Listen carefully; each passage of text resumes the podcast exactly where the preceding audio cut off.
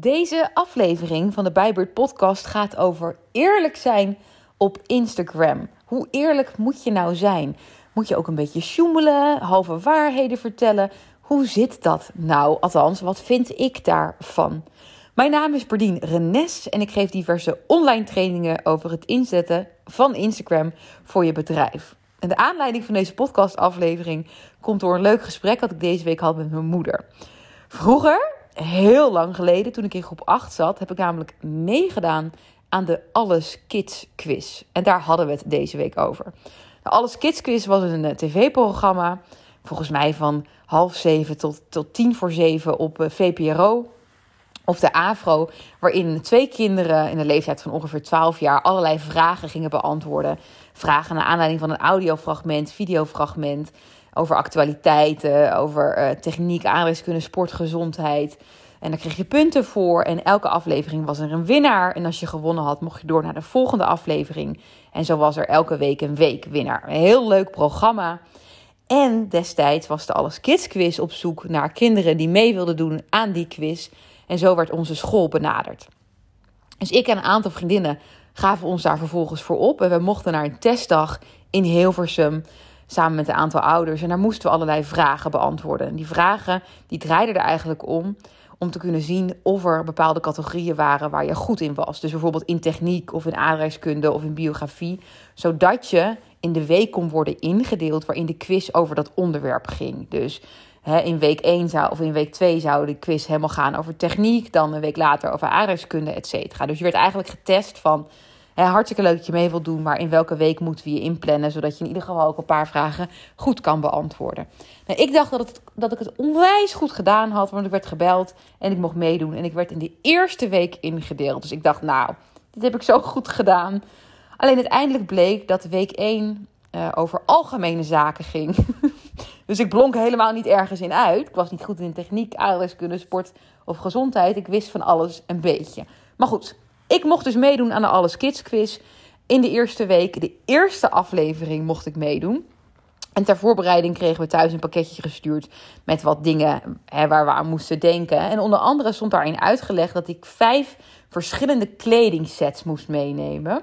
Want als ik de eerste aflevering zou winnen, zou ik doorgaan naar de tweede aflevering. En zo zou ik uiteindelijk totaal maximaal vijf afleveringen mee kunnen doen.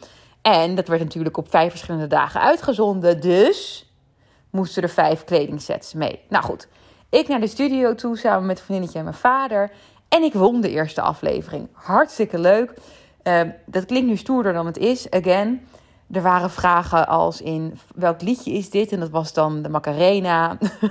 ja, dat wist ik allemaal wel. Hartstikke leuk. Ik mocht naar de tweede aflevering en ook die won ik. En uiteindelijk mocht ik naar de derde aflevering en naar de vierde aflevering. En tussendoor moest ik me dus elke keer heel snel omkleden en werd mijn haar anders gedaan. Dus in de eerste aflevering had ik een staart. In de tweede aflevering zat mijn haar los. En in de derde aflevering had ik twee staarten. Nog steeds furieus over dat ze dat hebben gedaan.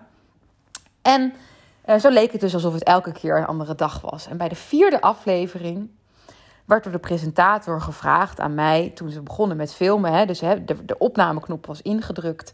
Hi Berdien, nou, hè, je bent hier nu al vier dagen op een rij.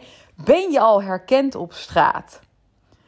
En ik vond dat zo'n leugen, die opmerking, dat ik recht in de camera heb staan staren met een hele ongemakkelijke blik. Dat ik eigenlijk wilde zeggen, hè? Jij weet toch ook dat we dit achter elkaar opnemen? En ik moest er dus aan denken toen ik met mijn moeder hierover had, over die Alles Kids quiz, of er ooit nog, of er ergens nog beelden van zijn en dat ik dus nog die beker heb liggen. Want uiteindelijk heb ik vijf afleveringen, jawel, achter elkaar gewonnen. Heb ik een beker gekregen. En het Cluedo-spel, dat was het.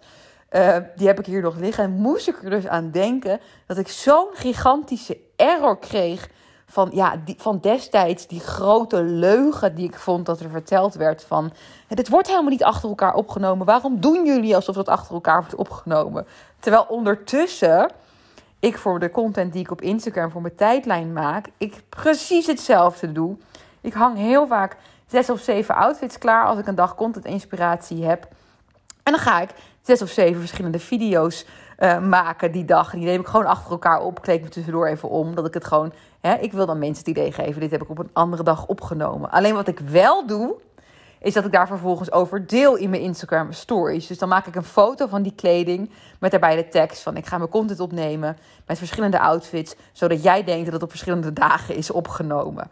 Nou, het is natuurlijk allemaal een beetje een luchtig, grappig verhaal, maar het moraal van het verhaal, hoe eerlijk moet je nou zijn op Instagram?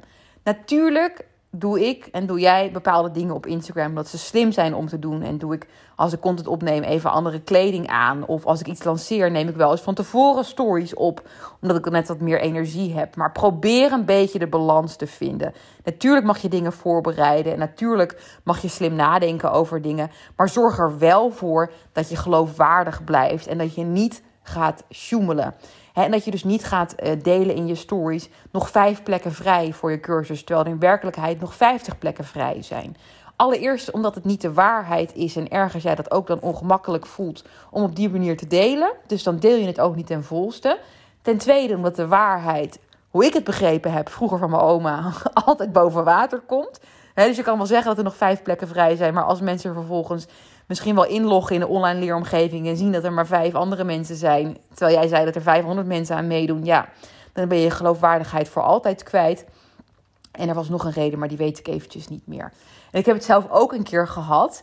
Um, bij elke cursus die je van mij volgt, bijna bij elke cursus die je bij mij volgt, krijg je een e-book erbij. Met een soort van samenvatting met alle belangrijke punten. Zodat je echt nog even, nou ja, ook een jaar later kan nalezen wat je allemaal geleerd hebt. En toen mijn uh, cursussen nog uh, plaatsvonden op een besloten Instagram-account. Inmiddels zijn ze allemaal op een online leeromgeving. Dat werkt veel beter voor de cursist. Makkelijker te volgen, ziet er mooier uit. Maar toen het nog op een besloten Instagram-account was, kon je natuurlijk ook reageren daar binnen het cursusaccount. En ik heb toen in het e-book wat je erbij kreeg, op het moment dat je werd toegelaten bij die cursus, de tekst neergezet op het einde. Bedankt voor je deelname en bedankt voor alle gave interacties die er ontstaan zijn op het cursusaccount. Terwijl, dat had ik van tevoren al geschreven. Ja, dat voelt gewoon niet lekker. En zo heb ik laatst van iemand die een live dag organiseerde. En die live dag moest nog plaatsvinden. Kreeg ik een dag voordat die live dag plaatsvond een mailtje met: Wauw, wat was het geweldig. Dankjewel dat je er was. En wat een sfeer. Terwijl die live dag nog moest plaatsvinden. En ik snap het. Dat soort dingen plan je van tevoren in. Maar je merkt dus ook als het dan fout gaat, dat je wel een klein beetje afbreuk hebt aan de volgende keer als je zo'n mail stuurt en vertelt hoe gaaf je die live dag vond. Ehm, en hetzelfde geldt op Instagram. Hè? Als je bijvoorbeeld een uh, vraagsticker deelt en aan mensen vraagt: Heb je nog een vraag over mijn product of dienst?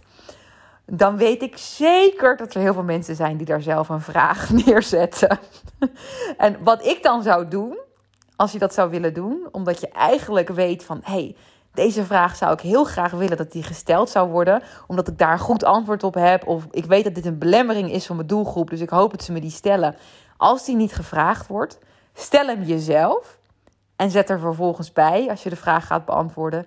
hey, wat leuke vraag van mezelf erbij. En met een knipoog kan je zoveel dingen doen.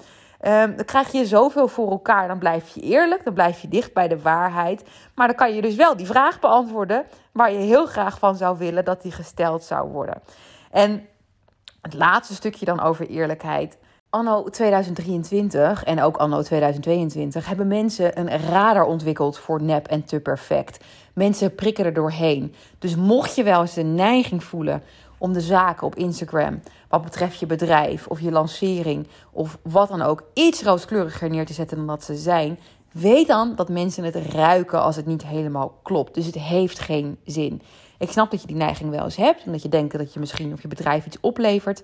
Maar het levert uiteindelijk niks op. Want mensen kunnen het ruiken. We zijn zo gewend al aan dat er dingen online gedeeld worden. Het is bijna een soort van het echte leven geworden. Dat we ook daarin een neusje hebben ontwikkeld. Om te zien, dit is echt, dit klopt wel, dit klopt niet.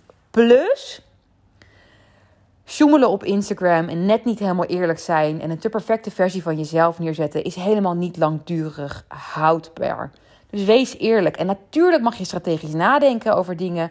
En mag je slim nadenken over dingen. Over hoe je je aanbod neerlegt. Dat vind ik niet zoemelen, dat vind ik niet manipulatief. Maar probeer niet een perfecte, polijste versie van jezelf neer te zetten. Dat is niet eerlijk. En dat werkt uiteindelijk alleen maar averechts, is mijn mening. Omdat er doorheen geprikt wordt en dat het helemaal niet vol te houden is. Je kan toch niet een toneelstuk spelen dat een jaar lang duurt? Punt. Dat was hem. Dankjewel voor het luisteren. Je weet me te vinden op Instagram onder @bijbeurt.nl.